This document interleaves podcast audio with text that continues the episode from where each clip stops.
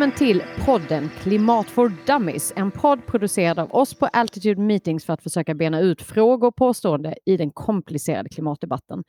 För det är komplicerat och svårt att hänga med. Vad är vad och vad kan jag göra som privatperson som gör skillnad? Vad kan mitt företag göra och spelar det någon roll egentligen vad vi gör i lilla Sverige? Spelar det någon roll om jag byter ut kött mot soja och är egentligen soja så mycket bättre än kött? Ska jag köra bil överhuvudtaget? Och är det då bensin eller el som gäller? Om man ser över hela cykeln? Och hur ska jag resonera kring de där kläderna jag köper? Är ekologisk bomull bättre än återbrukade petflaskor? Och vad är skillnaden på att jag slänger den där t-shirten i soporna eller att jag faktiskt lämnar den till återvinning? Och är egentligen vindkraften så mycket bättre än kärnkraften? Hörrni, detta och mycket annat tänker vi bena ut och hoppas kunna ge lite guidning i vad som gör mer eller mindre nytta. För ni, alla kan göra något. Och precis som namnet på podden indikerar, inga frågor är för dumma. Så dela gärna med er till oss med era frågor och funderingar. Ni kan mejla eller ni kan posta i våra sociala mediekanaler. Och det hittar ni på altitudemeetings.se i alla dess former eh, på Facebook, LinkedIn, vad ni vill. Jag heter Jasmin Aran Moder och med mig här har jag min stående gäst, the one and only Mattias Goldman, även kallad i alla fall av mig, Mr Klimat himself. Välkommen Mattias! Om vi bara eh, börjar och säga, vem är du Mattias? Tack för det Jasmin, tack för de fina orden och tack för det här initiativet. Jag tycker att eh, vi är helt rätt ute som tar det på en slags dummies-nivå. Det är ofta ett krympande gäng självgoda experter som pratar klimatfrågorna. Och tyvärr får jag väl eh, räkna in mig själv i det gänget av eh, självgoda experter. Jag har hållit på med klimatfrågan nu i eh, fler år än jag har lust att erkänna, men också på många olika sätt. Som politiker, som småföretagare, som hållbarhetschef på ett stort börsnoterat bolag, i intresseorganisationerna. Och just det här att, och, och också utifrån forsknings och, och eh, universitetshåll. Och just det här att ha närmat sig frågan från så många olika håll, tänker jag i bästa fall kan vara till nytta för det här eh, samtalet som jag ser så mycket fram emot. Ja, det ska bli väldigt spännande och jag ska bara berätta för er som lyssnar att vi kommer bjuda in gäster. Vi kommer ha klimathjältar som har gjort något väldigt eh, bra som faktiskt har förändrat eh, eh vägen framåt eller inspirerat andra. Eh, I de här inledande programmen, kanske framför allt detta, så kommer det vara, får ni stå ut med mig och Mattias helt enkelt.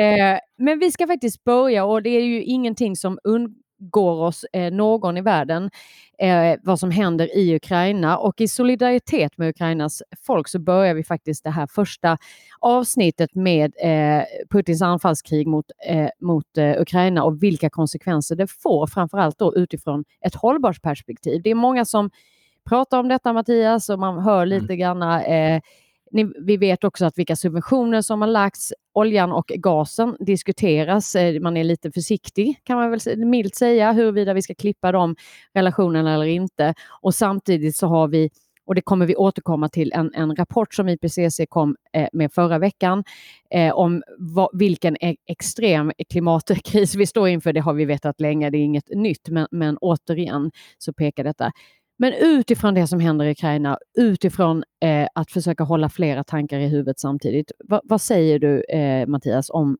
Eh, situationen?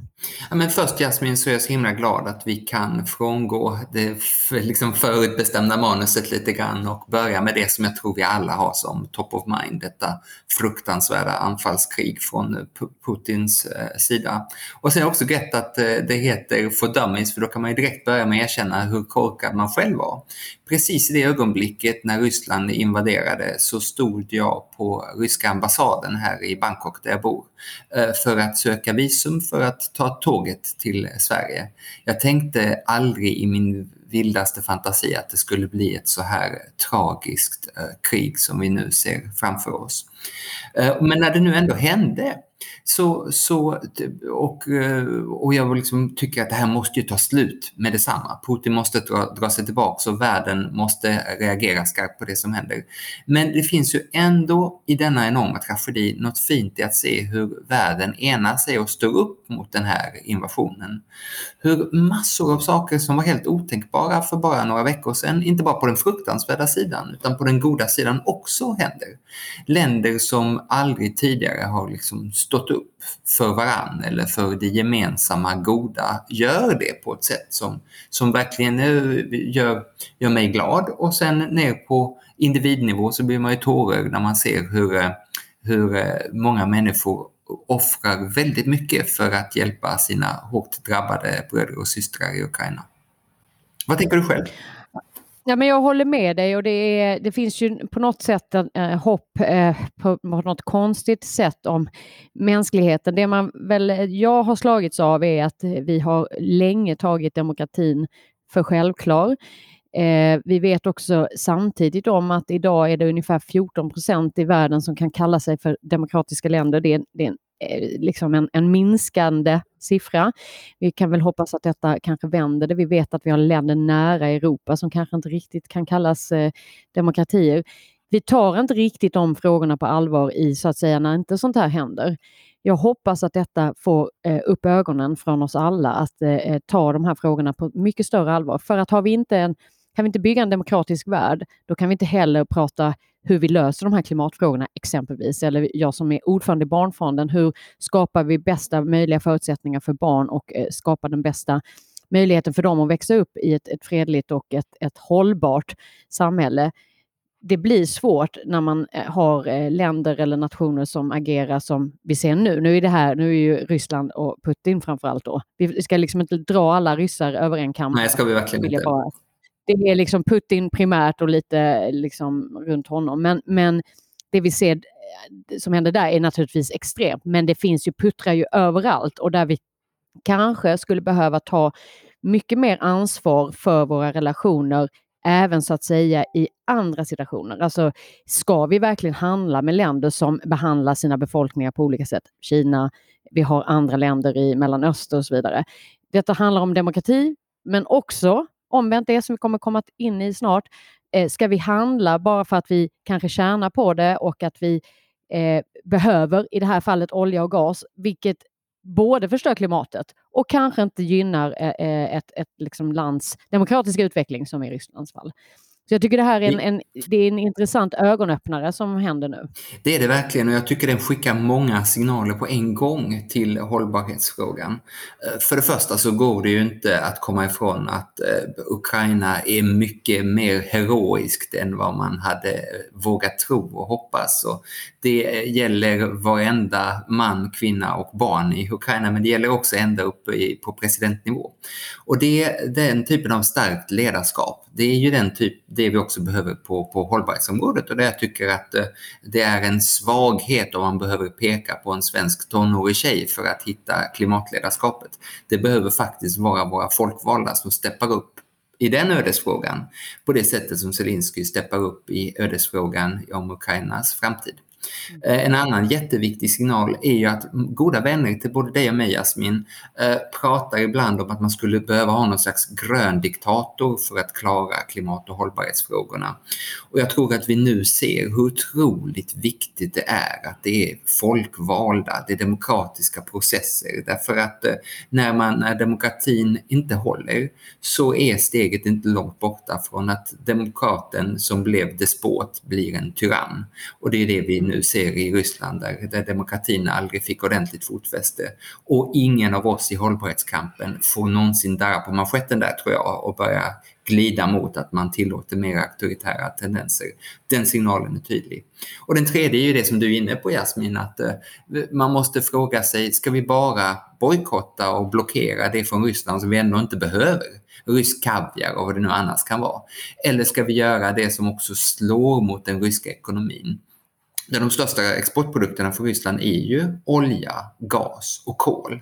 Och eh, då ser vi ju jättetydligt hur otroligt väl det synkar med klimatfrågan att säga nej tack till Putin.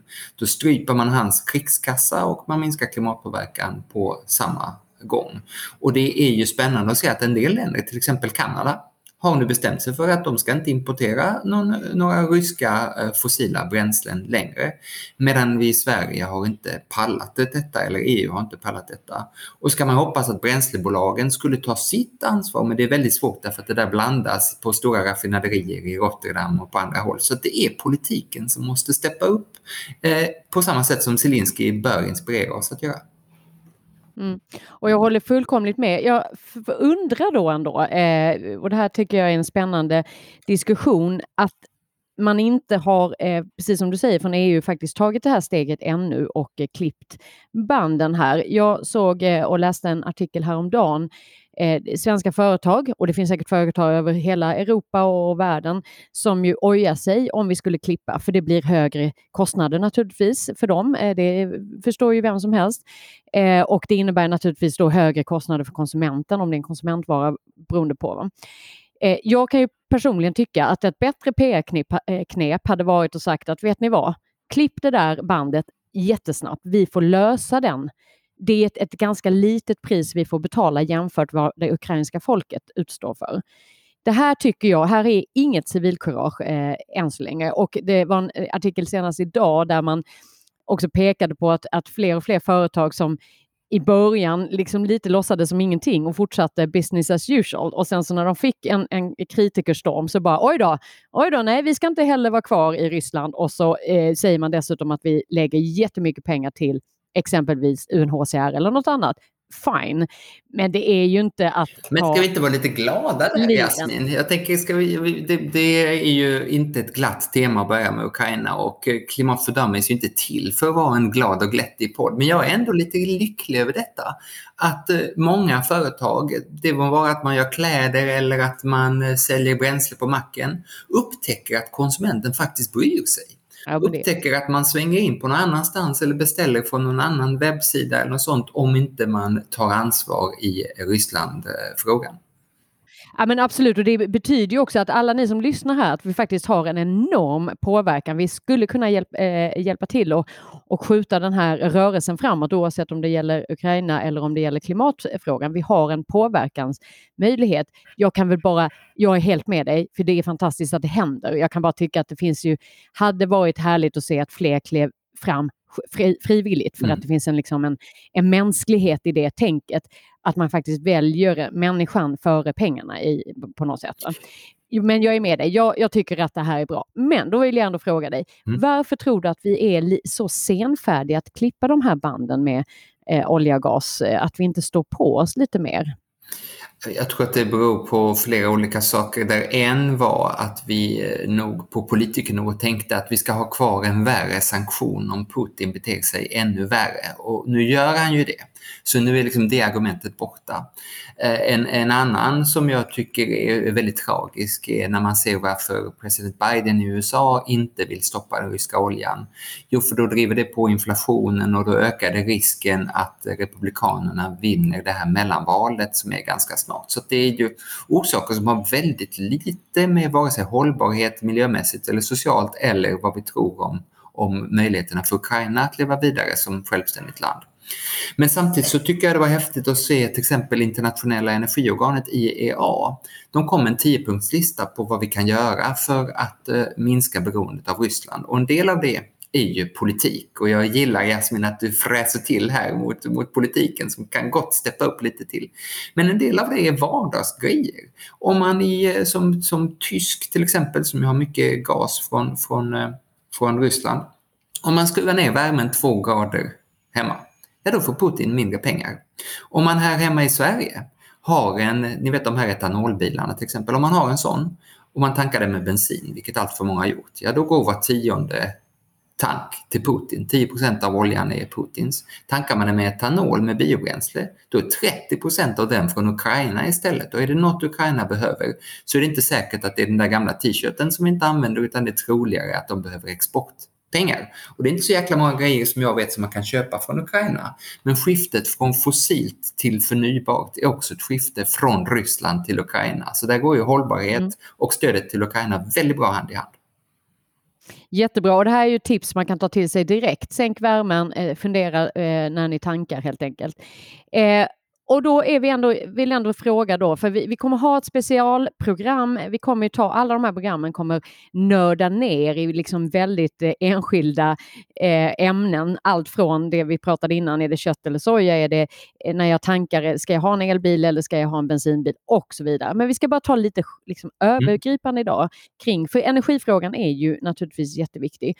Eh, om vi nu, för att det här är ju förutom att, att, att man vill ju liksom försöka få Ryssland att sluta med detta hemska eh, anfallskrig och att det är en av anledningarna att vi vill att man, man eh, slutar köpa olja gas och kol därifrån. Men det finns ju också, som du också har pekat på, detta är ju en enorm klimatpåverkan. Vi har ju vetat detta länge. Det här är inte källor till energi vi, vi långsiktigt ska hålla på med. Jag brukar säga att, att så länge vi håller på med både köp av den här typen av av energi eller eh, subventioner som vi också har i många fall eller annat stöd så matar vi det monstret som vi försöker döda. Det, det är liksom lite dumt om vi nu ska mm. tala liksom, eh, för dummies for, eh, klimat för dummies. Det är inte så smart. va?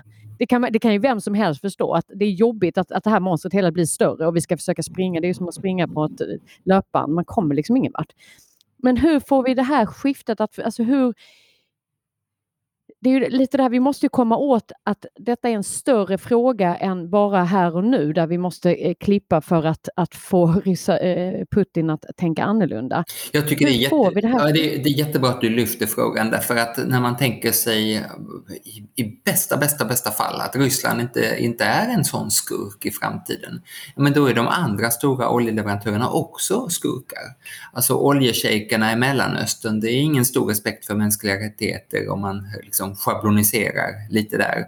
Och eh, i takt med att eh, den norska oljan till exempel har minskat över tid, även om den har gått upp på sistone. Idag har libysk olja kommit tillbaka, så jag tror inte heller att det är någonting som vi självklart vill stötta.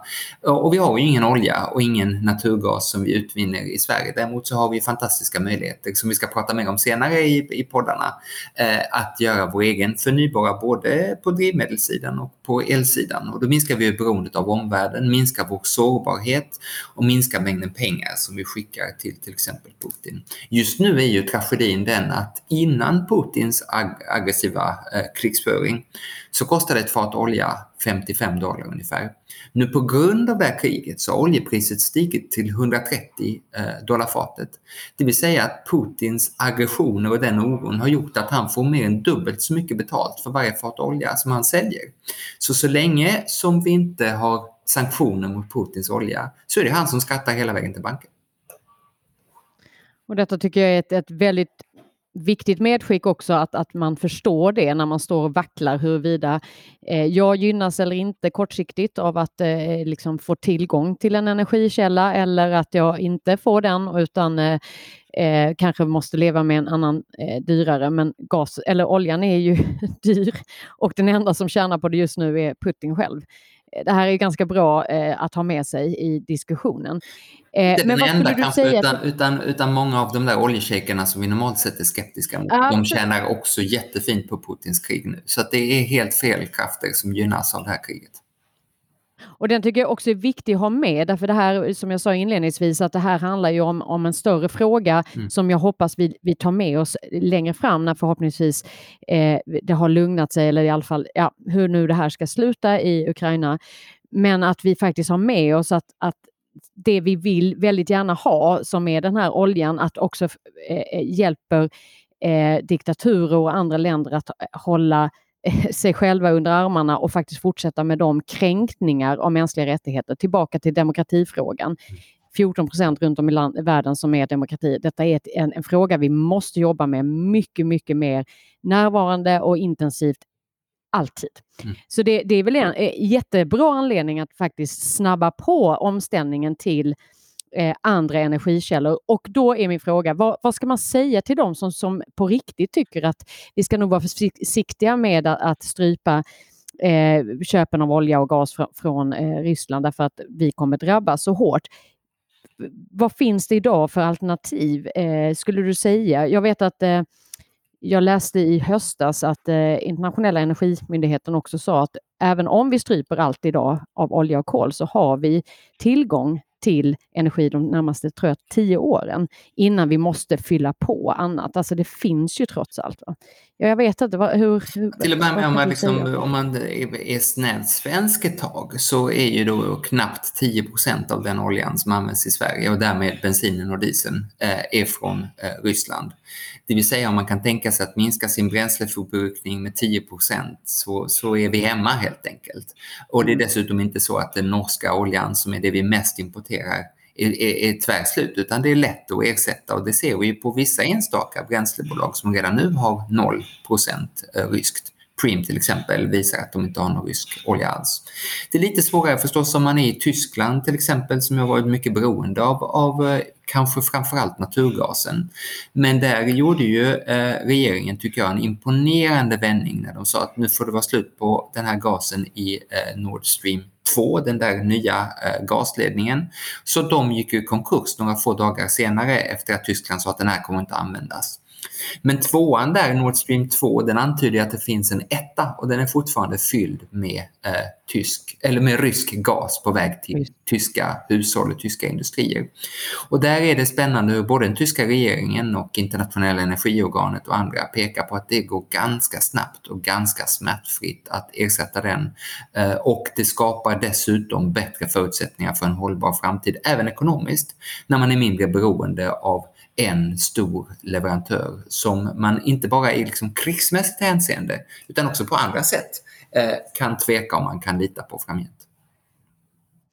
Bra, eh, bra också att fundera på det. Eh, och då måste jag också fråga dig, för då är det ju många som hävdar att okej, okay, vi, vi stryper det här, eh, men då måste vi sätta igång och vi kommer komma in på kärnkraften eh, lite djupare vid ett kommande program. Men då säger man att ja, vi startar upp eh, de kärnkraften vi har, eller tyskarna, varför la de det? Varför tog de den här aggressiva eh, politiken att, att, att stänga ner och inte eh, alls diskutera kärnkraft. Eh, låt oss väcka den frågan igen. Eh, lite obehagligt också när man ser vad som händer i Ukraina. Om, så fort eh, det skjuts i närheten av kärnkraftverk så känner man lite så här, det kanske inte är det jag skulle vilja ha i närheten av mig, bortsett från allt annat. Men vad skulle du säga när folk säger men låt oss starta upp kärnkraftverk, de vi har sovandes i Sverige till exempel? Ja, de är ju inte sovandes utan de är eh, nedmonterade, itusågade, eh, på, inte ens på reservdelsnivå. De går inte att återstarta helt enkelt. Sen kan man ju önska sig nya kärnkraftverk. Det kan vi diskutera mer när vi har eh, eh, energi, tema kärnkraft. Eh, men det är långt borta. Det är inte ett svar på den oro vi känner i vår eh, omvärld nu. Jag tror att man är rätt ute när man tänker att vi behöver mer el och jag tror att vi, det förstärks nu av situationen i Ukraina. Alla vi som tycker att det känns väldigt obehagligt att sticka och tanka bilen med, med Putin-olja i form av bensin och diesel. Många av oss tycker nog att det skulle vara roligare att köra en elbil på, med el från egna solceller på taket eller vindkraftverk. Eller möjligen för den del kärnkraft, men det är många år bort som sagt. Och det ökar ju beroendet eh, av, av el. Och den elen, eh, när du ändå är inne Jasmin på sårbarheten, så är den elen mycket mindre sårbar om den kommer från tusentals tak eller hundratals vindkraftverk än om den kommer från någon enstaka reaktor. Så jag tror vi också ska lära oss från Putins angreppskrig här, eh, att fundera på vår egen sårbarhet. För nu går han ju väldigt tydligt in och klipper energitillförseln. Jag tror inte att kärnkraftverket som han sköt mot tog någon bestående skada som tur är. Men jag tror att han strategiskt vet att slår man ut kärnkraftverken och tar kontrollen över dem, då har folk inte värme, inte el, inte internet, inte telefoni och så vidare. Och då är det mycket lättare att kontrollera ett land. Och den sårbarheten är mycket, mycket lägre om man har ett decentraliserat system. Mm. Yes, det här, eh, jag tror det här är jättebra att, att förstå, just att, att sprida ut riskerna, som man brukar säga i andra mm. sammanhang, att inte lägga alla äggen i samma korg helt enkelt. Så det är ett bra medskick. Har du någonsin sett en korg med ägg? Jag är jättesugen på att se en någon gång. Ja. Det har jag försökt en gång och då var det mest äggröra i den. Jag vet inte varför jag... Ja, lång historia, men det kan vi återkomma varför jag trodde det var en bra idé. Eh, men du, jag, nu när vi ändå pratar om det här, vi, vi, liksom, programmet handlar ju om klimat for dummies. Jag vill ändå att vi kommer eh, tillbaka lite till det som faktiskt var vårt initiala programtanke här, mm. att prata lite om vad... Det finns ju väldigt mycket förkortningar när vi pratar klimat. Eh, vi slängs eh, med, eh, och det kommer olika rapporter och, och, och vi kommer komma tillbaka till alla dessa evinnerliga eh, förkortningar. Men en av dem är IPCC och att man ska lyssna tydligen på IPCC eh, och det finns IPCC-rapporter Eh, Mattias, vad är IPCC för alla de och eh, vi som inte har koll riktigt? Ja, men vi tycker jag på podden här har gjort en fantastisk illustration, eh, även i vår podd, över hur Ukraina-kriget eh, riskerar att eh, dölja klimatfrågan och göra att den hamnar på mellis lite grann. Eh, och det är väl värt att ta upp därför att IPCC kom ju med en rapport just när kriget började. IPCC är FNs Intergovernmental Panel on Climate Change. Den, eh, den här panelen består av ledande forskare som sammanställer all den nu mycket omfattande forskning som görs på klimatområdet. Så att vi ska veta vad är det, man, man inte bara hör allmänt snack utan det är också ganska många forskningsrapporter där ute som man undrar, är det verkligen så här illa ställt? Hur snabbt går det med Eh, permafrosten, med regnskogen och allt möjligt annat. Och då berättar IPCC vad av den här forskningen man kan vara helt säker på numera. Till exempel att klimatet förändras och att vi är huvudorsaken, vi människor. Och vad som fortfarande inte är färdigforskat. Och det här var den IPCC-rapport som kom just när kriget blev som eh, bröt ut rejält. Det var den sjätte i ordningen. Eh, och för varje gång så har man sett att IPCC har haft rätt men har hittills varje gång också underdrivit hur snabbt det går och hur allvarligt läget är. Helt enkelt därför att det här är konsensusrapporter. Alltså alla forskarna måste vara överens om varenda rad. och man förhandlar verkligen rad för rad mellan forskarna när man tar fram de här eh, forskningssammanställningarna. Och är det några forskare som säger det där är vi inte riktigt säkra på än så anger man en lägre säkerhetsgrad. Och tycker man att det där fortfarande är ganska lite forskat då har man inte med det än sen. Så att det till exempel är först nu i den senaste rapporten som i IPCC tydligt har med det man kallar tröskeleffekter som är viktiga och otäcka att hålla koll på. De är att eh, det inte bara är linjärt, det är inte så att eh, allting händer som, som på ett snöre så att säga, utan det finns plötsliga tillfällen. Eh, vilket vi alla ser i vår vardag, att eh, det är snö eller is ena dagen och sen är det smältvatten nästa. Och eh, på global skala gör det där enorm skillnad om det är permafrost som fryser in metanen eller om den tinar och, och metanet läcker upp. Eller Amazonas en annan sån tröskeleffekt om den klarar att vara fantastisk lunga för oss eller om den effekten slås ut. Korallreven är också nära att vara den här tipping point eller tröskeleffekten där de inte längre klarar att, eh, att vara en del av vår biologiska mångfald och en del av vår framtida överlevnad. Det är en skrämmande rapport helt enkelt. Den är på många hundra sidor men det finns en förkortad version på 35 som man kan läsa tycker jag. Och pallar man inte det så finns det det de kallar för headlines. Det är två sidor. IPCC.ch, det klarar man ja. Det klarar du och jag och alla där ute. Mm, mm, mm. Men det är bra med Får jag bara fråga då, för då, då är om man bara tillbaka till det du eh, när du förklarade vad är IPCC och vi vet också att det finns en hel del som pekar på att eh, alla forskare tycker inte så här. Eh, vem är panelen? För det är, ganska, det är en ganska stor mängd eh, forskare runt om i världen, eller hur? Ja, det är det ju. Och eh, IPCC är då där forskarna möts väsensskilt från politiken. Politiken möts ju i de här årliga stora klimatförhandlingarna som gav oss Parisavtalet som var i Glasgow senast. Och det är jätteviktigt att hålla isär att de där är var och en för sig. IPCC anger forskningsläget. De säger inte till exempel att vi borde ha mer kärnkraft eller mer vindkraft eller något sånt, utan de bara säger att kära politiker, ni har bestämt er för att vi ska hantera klimatfrågan och begränsa uppvärmningen till en och en halv grader eller i värsta fall två jämfört med förindustriell tid. Och då finns det ett antal olika scenarier för hur det ska gå till. Varsågod och välj själva, kära politiker. Och det är det man sedan väljer på de här UNFCCC COP-mötena, de globala klimatmötena.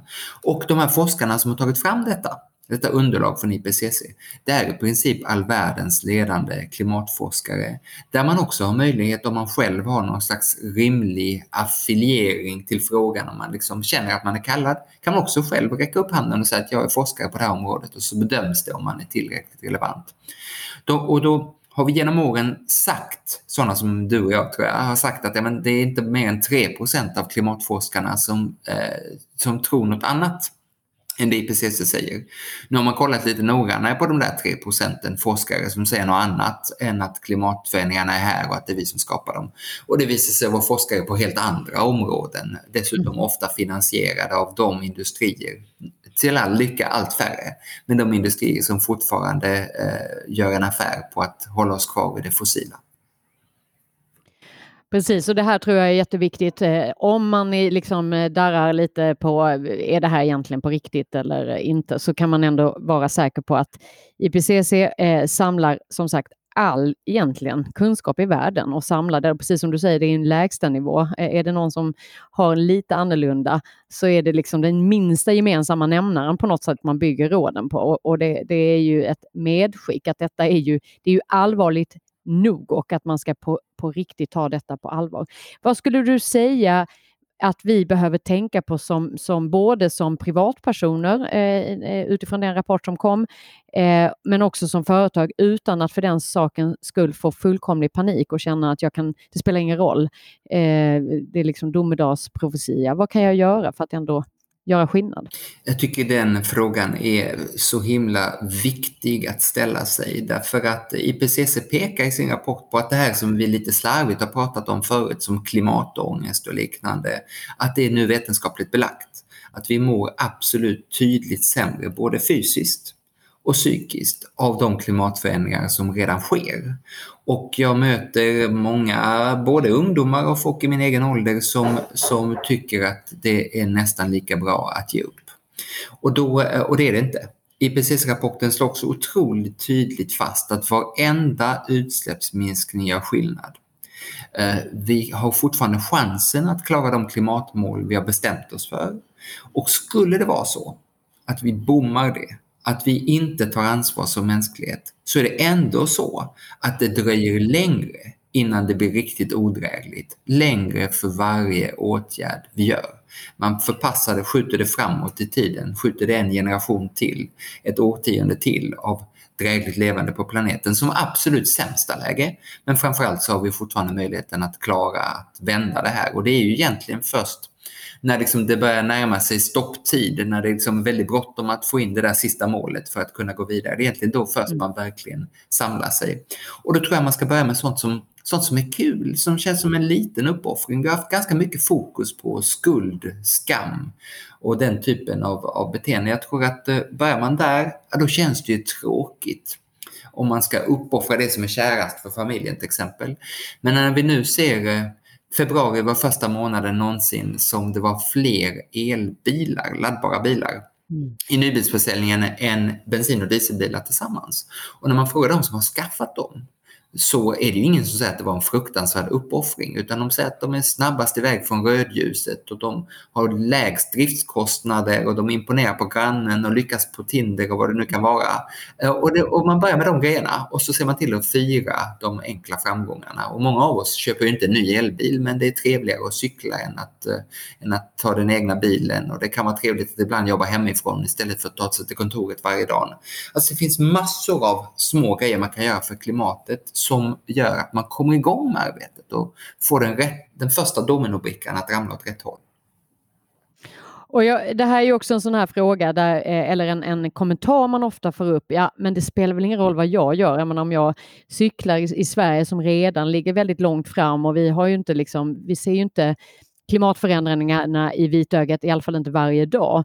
Varför ska vi göra någonting? Kommer det, det göra någon skillnad? Det är en, en jättebra fråga att ställa sig och den frågan ställde sig våra kära politiker när de skulle bestämma Sveriges klimatlagstiftning och Sveriges klimatmål. Och när vi nu ganska tidigt i den här podden var ganska hårda mot våra kära folkvalda så kan vi, kan vi vara lite snällare nu tänker jag. Därför att de sju partierna då, det, det finns ju ett åttonde också, men de sju partierna som var överens om att vi skulle ta fram ett klimatmål för Sverige. De ställer sig direkt frågan hur stor del av världens samlade klimatpåverkan har Sverige egentligen? Och den är bara 0,15 procent. Eller om man tar med vår konsumtion, alltså kläderna vi använder fast de är gjorda i eh, Vietnam, datorn jag tittar in i nu som är gjord i Kina, men de används i Sverige. Tar vi med det så är det 0,3 procent. Och det vill säga att det är ju så lite så om vi i smyg i teorin nollar det nu stänga av varenda fabrik, stänga av varenda motor, andas in och andas inte ut igen då märks inte det ens.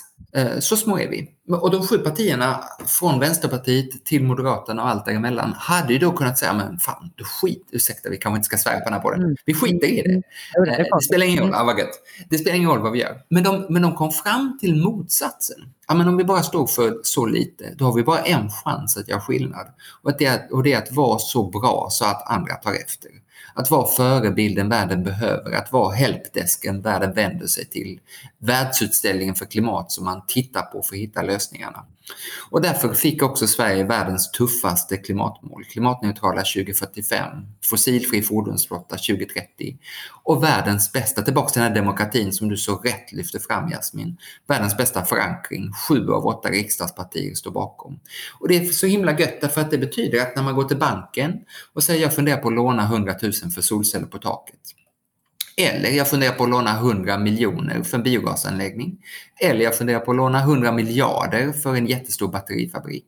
Och så undrar banken, men är det här troligt att liksom, är det här baserat på någonting som vi vet kommer att leva kvar?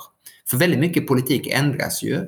Man eh, ser att det, liksom, det ändras ståndpunkter och det rivs upp och det är misstroendeförklaring och regeringskris och allt möjligt. Det här är den enda frågan, klimatfrågan, där jag vet att sju partier är överens och där de under allt stök som har varit så har inte ett enda parti av dessa sju darrat på manschetten utan de står för de svenska klimatmålen och står för detta superhäftiga att vi ska vara ledande i omställningen. Och Jasmin, det är så himla gött tycker jag därför att det ger ju dig och mig och våra organisationer och våra närstående en fantastisk roll. Därför att om Sverige ska vara ledande så måste ju någon vara ledande i Sverige. Vi har mm. Huddinge kyrka som bestämde sig för att ska hela världen titta på Sverige ska väl hela världens kyrkor titta på någon kyrka i Sverige. Då ska det vara oss, tyckte Huddinge kyrka. Och bytte ut så att all deras kraft kommer från ovan, vilket ju borde vara självklart för kyrkor. Det är bara solceller de har och laddning av elbilar och liknande. Eh, och eh, Lidl deras butik i Visby, Lidl är kanske inte de jag först tänker på med klimat, ärligt talat. Men deras butik i Visby är världens första klimatpositiva för att då ska hela världen titta och lära sig. Men de allra flesta sådana positioner är lediga. Världens klimatsmartaste dagis, blomsterbutik, PR-byrå, vad man än vill, så kan man plötsligt ha global relevans. Jag är säker att det behöver så långt, men jag blir så himla... Ja, men det här är så bra. Alltså, jag tänker att vi kan bli det mest hållbara mötesalternativ eller där vi försöker försöker... Eh, Världens klimatsmartaste podd. Ja, men bara en sån sak. Alltså, vi sitter ju på var, varsin ända av, av världen, höll jag på att säga, och eh, utan att behöva träffas. Det går att göra väldigt mycket eh, utan att vi behöver flyga in eller flyga iväg. Men det här är också väldigt inspirerande och jag, jag håller med all eloge till eh, våra partier som tar den ställningen och att det jag, jag tänker att detta ska smitta sig av sig också, både på våra företag som lite grann gärna få skryta mer. Vi är lite dåliga ibland på att skryta internationellt, alltså när, i sammanhang, COP-möten och andra, att faktiskt berätta att vi kan, vi gör, vi gör på, på ett annat sätt som faktiskt är eh, klimatsmart och även som individer, precis som du säger att varje grej vi gör kan ju inspirera en medarbetare, våra barn, våra eh, vänner, men också när vi faktiskt är iväg och reser, att ifrågasätta vissa saker. Är det faktiskt så att, att det bara finns eh, Eh, exempelvis kött på menyn. Vi kommer återkomma till mm. köttdiskussionen. Mm. Men det är i alla fall ett litet lite push i alla ändar att vi som konsumenter, då är vi tillbaka till det vi pratade om innan, att vi som konsumenter också kan påverka väldigt mycket. Men vi måste våga säg, prata om det. Jag tycker du är inne på något superviktigt där. Vi hör ofta eh, att det finns risk för greenwash. Och den risken är inte jag så orolig för faktiskt. Därför att vi har eh, duktiga medier, skickliga miljöorganisationer och, och engagerade konsumenter som ganska snabbt avslöjar om det, om det där miljö och klimatsnacket var just bara snack. Så jag är mycket mer orolig, mycket mer orolig än för, för greenwash är för greenhush att man huschar och inte riktigt vågar ta för sig och berätta om det man gör. Därför att man är inte fullständigt perfekt, man är inte helt framme än. Men eh, ingen av oss är perfekt, ingen av oss är framme. Vi ska ner på en klimatpåverkan under noll. Vi vet knappt ens hur det ska gå till och Nej, långt, exakt. långt mindre är vi där än. Så skryt om det ni gör, kära lyssnare, eh, så att ni inspirerar andra. Exakt. Och våga testa, för att om vi aldrig testar eller vågar eh, liksom vara där ute och börja någonstans så vet vi ju aldrig om vi kommer lyckas. Och de som vågar kommer också vara de som tar marknadsandelar. Va? Därför att det här är ju också, det här är också en fråga om att, att vara först på, eller i alla fall i täten på att ta, eh, hitta kunderna och hitta de nya affärsmodellerna. Jag tror detta är en, de som är på bollen, det är de som också kommer överleva. Det är inte de som sitter kvar och håller hårt i oljeleveranserna från Ryssland om man säger så. Sen en annan tanke som jag också har om man till exempel är både småföretagare eller hushåll och man funderar på vad man ska göra, investera i. Man kanske behöver fixa sin fastighet eller sin fabrik eller vad det kan vara. Och då liksom det, det enkla budskapet är att gör du någonting som är dåligt, mediokert, halvdant för klimatet, ja då får du ta hela fakturan själv. Men gör du något som är en del av lösningen, en del av att Sverige är i framkant i omställningen, en del av att vi klarar våra klimatmål, ja då har du fantastiska möjligheter att få det här delfinansierat. Klimatklivet, Industriklivet, pengar från Vinnova, lägre ränta från banken, lägre kostnader på försäkringen. Alla möjliga ekonomiska incitament finns där att plocka för den som vill vara en del av lösningen. Mm, väldigt bra. Eh, och detta är ju också ett eh, eh medskick att eh, som eh, företagsledare, som industri eller vad vi nu jobbar med, att faktiskt öppna ögonen, vara, lyssna in. Vad är det som händer? Och inte bara tro att protektionism och, eh, jag, jag, vet bäst eh, kommer lösa någon typ av problem, för det gör det aldrig. Utan eh, var med och lyssna in, därför precis som du säger Mattias, här finns otroligt mycket möjligheter när man väl kliver ut där och börjar testa och faktiskt gör någonting som är, börjar bli bra. Va? Om vi knyter ihop eh, lite där så är det ju precis som du sa för en stund sedan Jasmin, att vi har sett ett gäng företag nu som tänkte ah, det är nog ingen som riktigt bryr sig om hur vi beter oss i, på ryska marknaden. Men det, det brydde vi oss visst om. Så att man ska också komma ihåg att vi har aktiva konsumenter där ute och det är jättelätt att välja, ett, välja bort ett skjortmärke eller en bensinleverantör eller en frukostflingetillverkare till förmån för en annan. Det är bara att flytta handen i butiken och det kommer vi att göra om man inte är en del av den hållbara lösningen. Och jag tänker då med avrundning, eh, nu har du gett några tips. Är det några fler tips du ska ge här till våra lyssnare på vad kan man göra om man ska starta eh, en movement hos sig själv eller hos eh, sina medarbetare eller familj kanske?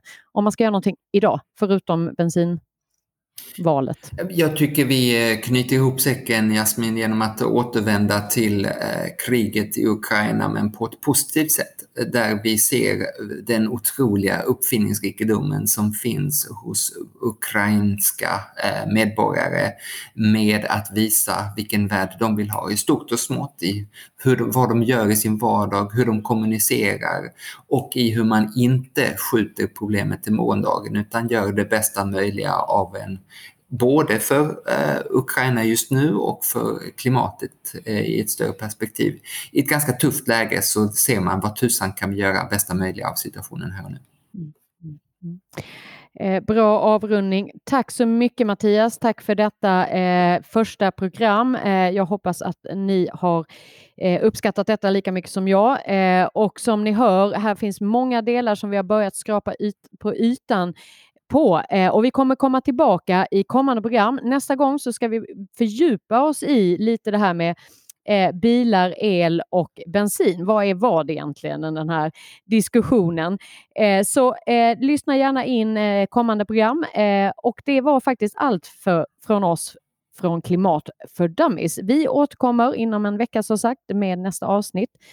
Och Klimat för Dummies produceras av Altitude Meetings. Mer om oss hittar du på altitudemeetings.se eller i våra sociala mediekanaler. Och glöm inte, inga frågor är för dumma utan eh, passa på, ställ frågor till oss i alla olika kanaler så ska vi se om vi kan bena ut vad som är vad. Och eh, tack så mycket än en gång Mattias. Tack så mycket Jasmin. Eh, tills nästa gång, ha det bra. Vi hörs snart igen.